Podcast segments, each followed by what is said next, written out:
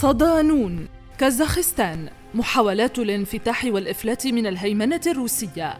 مقال لنور علوان. ضمن ملف دول معزولة. كازاخستان مهد الفيلسوف الإسلامي الفارابي وآلة القانون الموسيقية وموطن العمارة الفريدة والخيول والتفاح وأزهار الخزامة. أرض غنية بالموارد والاكتشافات النفطية التي لفتت دول العالم العظمى إليها. وأثارت حسد الغرباء لفترة طويلة ما أدى إلى استغلالها ووقوعها في مشاكل بيئية وسياسية.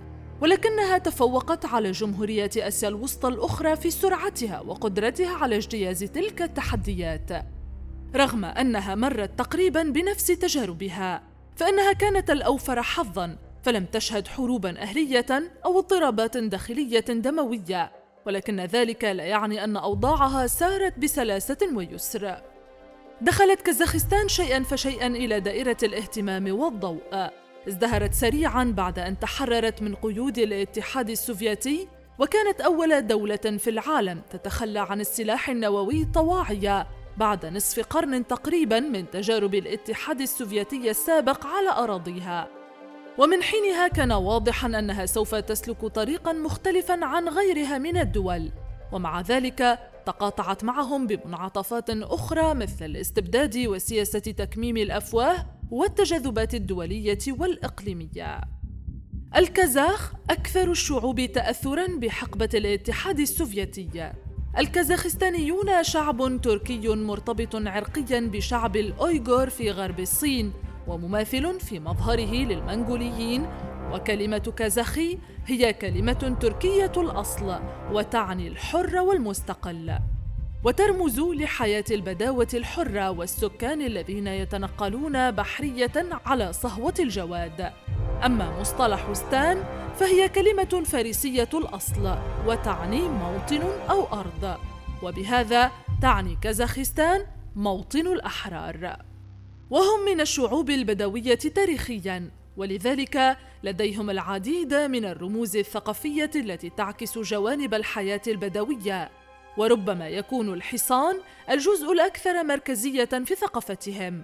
إلى جانب بعض الرموز الإسلامية مثل الهلال والأزياء الإسلامية التي يدمجونها في حياتهم اليومية. وذلك رغم مرور سبعين عاما من الإلحاد السوفيتي عليهم. إذ شن الاتحاد حربا ثقافية على هذه الشعوب فمنع ممارسة الدين؟ أغلق أربعة عشر ألف مدرسة إسلامية وألغى المحاكم الشرعية والكتابة بالحرف العربي. وبذلك سادت الإيديولوجيا الشيوعية في الأرجاء كافة رغم تمتع هذه الجمهورية بنفس الخصائص الثقافية التي تميزت بها دول آسيا الوسطى فإنها كانت أكثر الجمهوريات التي يظهر عليها تأثير ما يقرب من قرنين من التواصل الوثيق مع الروس حيث ينظر الكازاخ إلى روسيا بانبهار كبير أكثر مما ينظرون إلى الدولة الإسلامية. تحتل جمهورية كازاخستان المرتبة التاسعة في العالم من حيث الحجم الجغرافي. تقريبا حجم أوروبا الغربية وخمسة أضعاف دولة فرنسا وهي أكبر دولة حبيسة في العالم. وتقع على طول طريق الحرير التاريخي الذي ربط أوروبا بالصين منذ أكثر من ألفي عام. ما يفسر سبب اهتمام وارتباط الصين وروسيا بها على المستوى السياسي والاقتصادي والتاريخي مع العلم أن الصين خرجت من المنافسة بعد أن جرفت روسيا كازاخستان إلى تيارها بداية من النصف الثاني من القرن الثامن عشر عندما صارت جزءا من دائرة مصالحها وواحدة من الدول السوفيتية. يبلغ تعداد السكان فيها قرابة 18 مليون نسمة حيث يوجد فيها نحو 131 مجموعة عرقية وتشمل نسبة الكازاخيون نحو 46% من السكان. يليهم الروس بنسبة تتجاوز 35% ومن ثم الأوكرانيون والألمان والأوزبك والتتار والأويغور والتاجيك والكوريون والأتراك والشيشان بنسب مختلفة لا تتجاوز 5% من إجمالي السكان. يدين 51 منهم بالإسلام والبقية من المسيحيين واليهود وعقائد أخرى بين الصينيين المقيمين في المناطق المحاذية للصين. تغيرت عاصمتها عام 1997 من الماطي إلى مدينة أقمولة التي تغير اسمها إلى أستانا وتعني العاصمة بالتركية. وبعد تنحي الرئيس الكازاخستاني نور سلطان نيزاربييف عن الحكم العام الماضي تغير اسمها إلى نور سلطان تكريما للرئيس الأول في البلاد. اختلفت الآراء عن أسباب التغيير وكانت النظرية الأولى تقول إن الخطوة جاءت لأسباب استراتيجية وجيوسياسية نظرا لأن العاصمة السابقة قريبة من الحدود مع الصين وقرغيزستان وهي دول صديقة ولكنها قريبة جدا من حركات التمرد الإسلامية في طاجيكستان وأفغانستان. وتؤكد هذه النظرية أن الموقع المركزي الجديد يوفر للحكومة عاصمة منفصلة تماما عن جيرانها. بينما ترى نظرية ثانية أن العاصمة تم نقلها لأن الرئيس نيزاربييف أراد إنشاء عاصمة جديدة جميلة بطرق ومبان جديدة ومطار. وبصرف النظر عن تلك الوجهات فإن العاصمة السابقة الماطي ما زالت أكبر مدينة وأهم مركز مالي وثقافي في البلاد. اللغة الخروج من الهيمنة السوفيتية. تعد كازاخستان بلدا ثنائي اللغة. حيث تستخدم الكازاخية وهي لغة تركية يتحدث بها نحو 64.4%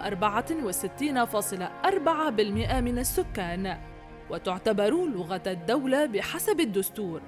أما اللغة الثانية فهي الروسية التي يتقنها معظم الكازاخ وتستخدم في مجال الأعمال التجارية والحكومية والدوائر الشعبية. إضافة إلى كونها اللغة الأم للجيل الكبير ذوي الأصول الروسية. فبحسب إحصاءات عام 2016 يبلغ عدد سكان كازاخستان من أصول روسية نحو 3.65 مليون نسمة أي نحو 20% من إجمالي سكان البلاد البالغ عددهم 18 مليونا تقريبا. أكثر القضايا إثارة للجدل فقد تبدل الانتماء اللغوي بحسب النظام الحاكم وتغيرت معه الأبجدية فقبل عامين فقط وقع الرئيس الكازاخي السابق نور سلطان نيزاربييف مرسوما يقول حكومة جمهورية كازاخستان بصدد تشكيل لجنة وطنية للانتقال من أبجدية اللغة الكازاخية إلى الأحرف اللاتينية وضمان الانتقال التدريجي من الأبجدية الكازاخية إلى الكتابة باللاتينية بحلول عام 2025 وذلك عوضا عن الكيريلية أو السيريلية المعتمدة على الأبجدية الروسية. عاصرت الجمهورية السوفيتية السابقة التغيير الثالث للأبجدية في أقل من مئة عام. فقد اعتمدت في البداية على الأبجدية العربية حتى عام 1920 ثم استخدمت الأبجدية اللاتينية ولكنها بعد أحد عشر عاماً قررت التحول إلى السيريلية عام 1940 على غرار جميع دول الاتحاد السوفيتي السابقة وحاليا تستبدلها باللاتينية. لم يكن اتخاذ هذا القرار خاليا من التعليقات والتلميحات التي رأت أن هذه الخطوة دفعة رمزية وإضافية على طريق الاستقلال والانفصال من ظلال الماضي السوفيتي. وذلك على اعتبار أن اللغة الروسية أو حروفها شكل من أشكال الهيمنة الاستعمارية على الثقافة واللغة الكازاخية فمن المتعارف عليه أن موسكو تحتفظ بمشاعر قوية تجاه الدول التي تتحدث لغتها إذ وصف النائب في مجلس الدوما الروسي أليكسي جورافيولف هذا التغيير بأنه خطوة غير ودية تجاه روسيا الاتحادية. لكن بالنسبة إلى نيزارباييف فإن القرار يهدف إلى تطوير المجتمع على نحو فعال وتسهيل الاتصال مع العالم الخارجي. ومساعدة الأطفال على تعلم اللغة الإنجليزية بسرعة. وما هي إلا موجة تجديد روحي وثقافي في البلاد. سعيا إلى الانضمام لنادي الدول الثلاثين الأكثر تقدما في العالم.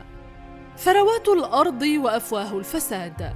اكتسبت أكبر دولة إسلامية في العالم من حيث المساحة شهرتها السياسية بعد عام 1991 حين أعلنت استقلالها عن الاتحاد السوفيتي وركزت جهودها على استغلال كنوزها الوطنية المدفونة تحت الأرض بما يفيد مصالحها ويروج لأهميتها الاستراتيجية بين دول العالم العظمى حيث تتركز في المنطقة مصادر هائلة للغاز الطبيعي واحتياطي النفط.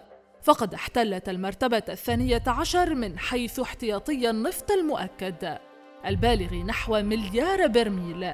إلى جانب احتلالها المرتبة الثانية والعشرين من حيث احتياطات الغاز الطبيعي البالغة 45.7 تريليون قدم مكعبة.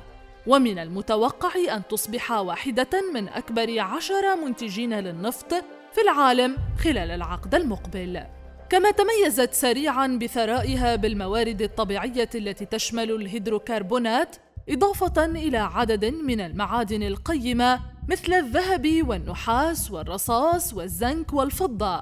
وكما تفخر بامتلاكها نحو ثلث احتياطات العالم من الكروم وفلزات المنجينز المستخدمة في صناعة الصلب والألمنيوم.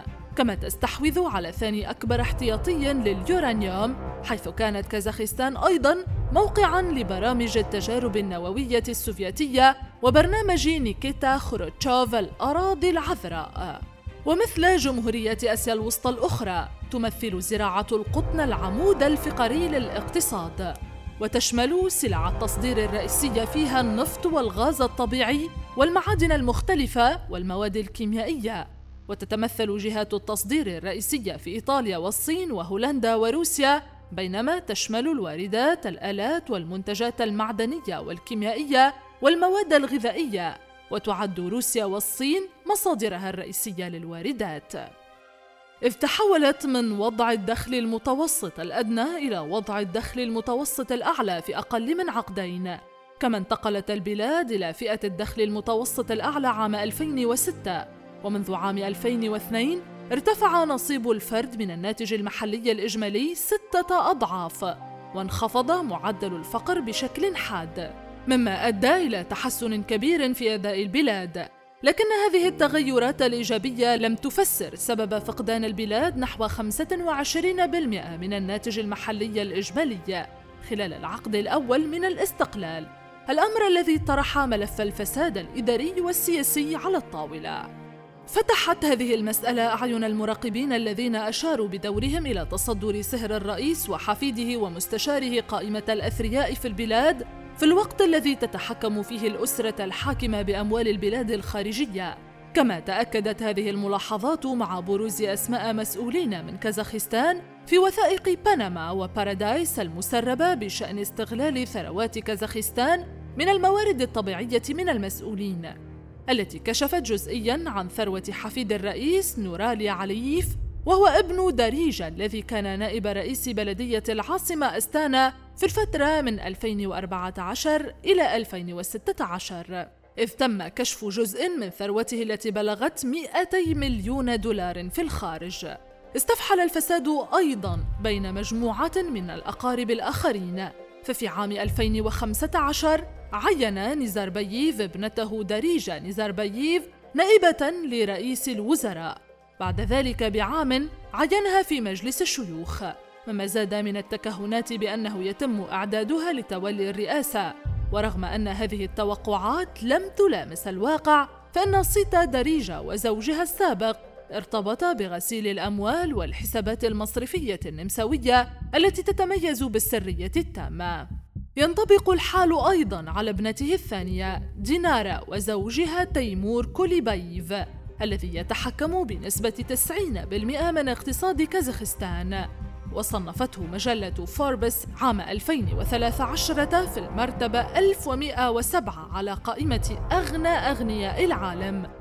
والشخص الثاني في البلاد من حيث النفوذ بثروة مقدارها 1.3 مليار دولار. وتليه دينار برأس مال تقدر قيمته ب 1.3 مليار دولار. وينضم إلى القائمة عدد من أفراد العائلة الآخرين الذين يعتبرون الواجهة الرئيسية للفساد الحكومي والمالي في كازاخستان. ثلاثون عاما من الدكتاتورية. أين حقوق الكازاخ؟ يحدد الدستور عددا من حقوق مواطني كازاخستان بما في ذلك حرية التعبير والدين والتنقل. لكن على الرغم من لغة الدستور الديمقراطية فإن الدولة أصبحت في السنوات الأولى من الاستقلال سلطوية بشكل متزايد. وذلك على يد نور سلطان نزاربييف الذي نمى الاستبداد في عهده ولم يعرف أي قيود أو حدود. إذ أعيد انتخابه أربع مرات بغالبية ساحقة في انتخابات لم يعترف بها المراقبون الدوليون كانتخابات حرة وعادلة ومارس سلطة تامة لنحو ثلاثة عقود. عام 2007 تم تمرير تعديل دستوري يخفض مدة الولاية الرئاسية مقابل توسيع السلطة البرلمانية. وفي الوقت ذاته مر تعديل آخر يجعل نزاربييف معفيا شخصيا من الحد القياسي لفترة الولاية الرئاسية وفي عام 2010 وافق البرلمان الكازاخستاني على إجراء استفتاء لعام 2011 من شأنه إلغاء الجولتين التاليتين من الانتخابات الرئاسية وتمديد فترة نزاربييف حتى عام 2020 على الأقل.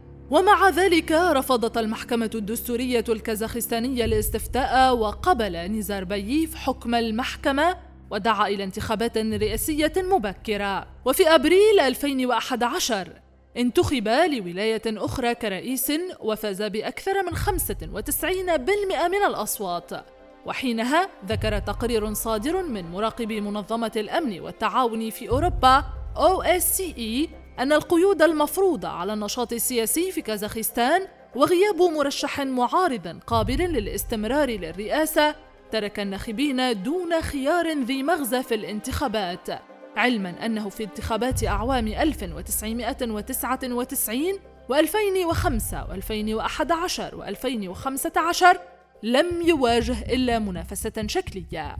في العام ذاته حدث تحد نادر لسلطة الحكومة التي لم تتح مجالا للاحتجاج أو الاعتراض الشعبي. إذ شهدت بلدة جانوزين غربي البلاد اضطرابات واسعة في أوساط عمال النفط بسبب الأجور المتدنية وظروف العمل القاسية والشاقة. وانتهت هذه الحادثة بمقتل 17 شخصا وإصابة المئات وسجن عدد من نشطاء المعارضة بعد اشتباكات العمال المضربين مع القوات الحكومية. وخلال هذه الفترة شددت الحكومة قبضتها على البلاد فقطعت الاتصالات الهاتفية وحجبت الإنترنت وأغلقت تقريبا نحو أربعين منصة من المنافذ الإعلامية والمواقع الإلكترونية للمعارضة.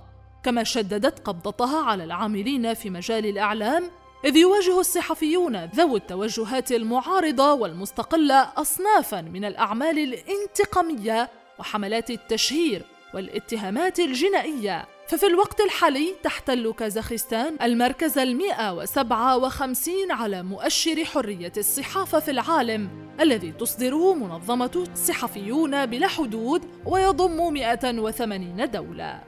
ولكن إذا أردنا أن نكون منصفين في عرض الحقائق فقد حققت كازاخستان نجاحا اقتصاديا ملفتا في عصر نزربييف فبحسب تقرير نشرته وكالة الأناضول ارتفع مستوى النمو 15 مرة وزاد نصيب الفرد من الدخل تسع مرات وانخفض عدد السكان تحت خط الفقر 15 مرة.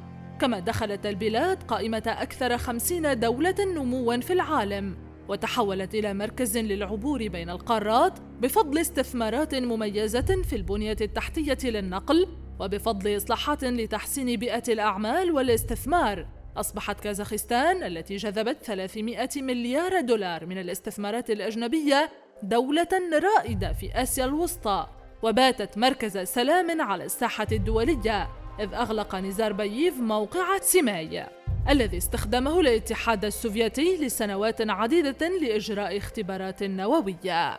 ومع ذلك لا تلغي هذه المعلومات واقع الاستبداد الذي رسخته حكومة نزاربييف الذي تنحى عن منصب الرئاسة العام الماضي في شهر مارس أذار بشكل فجائي.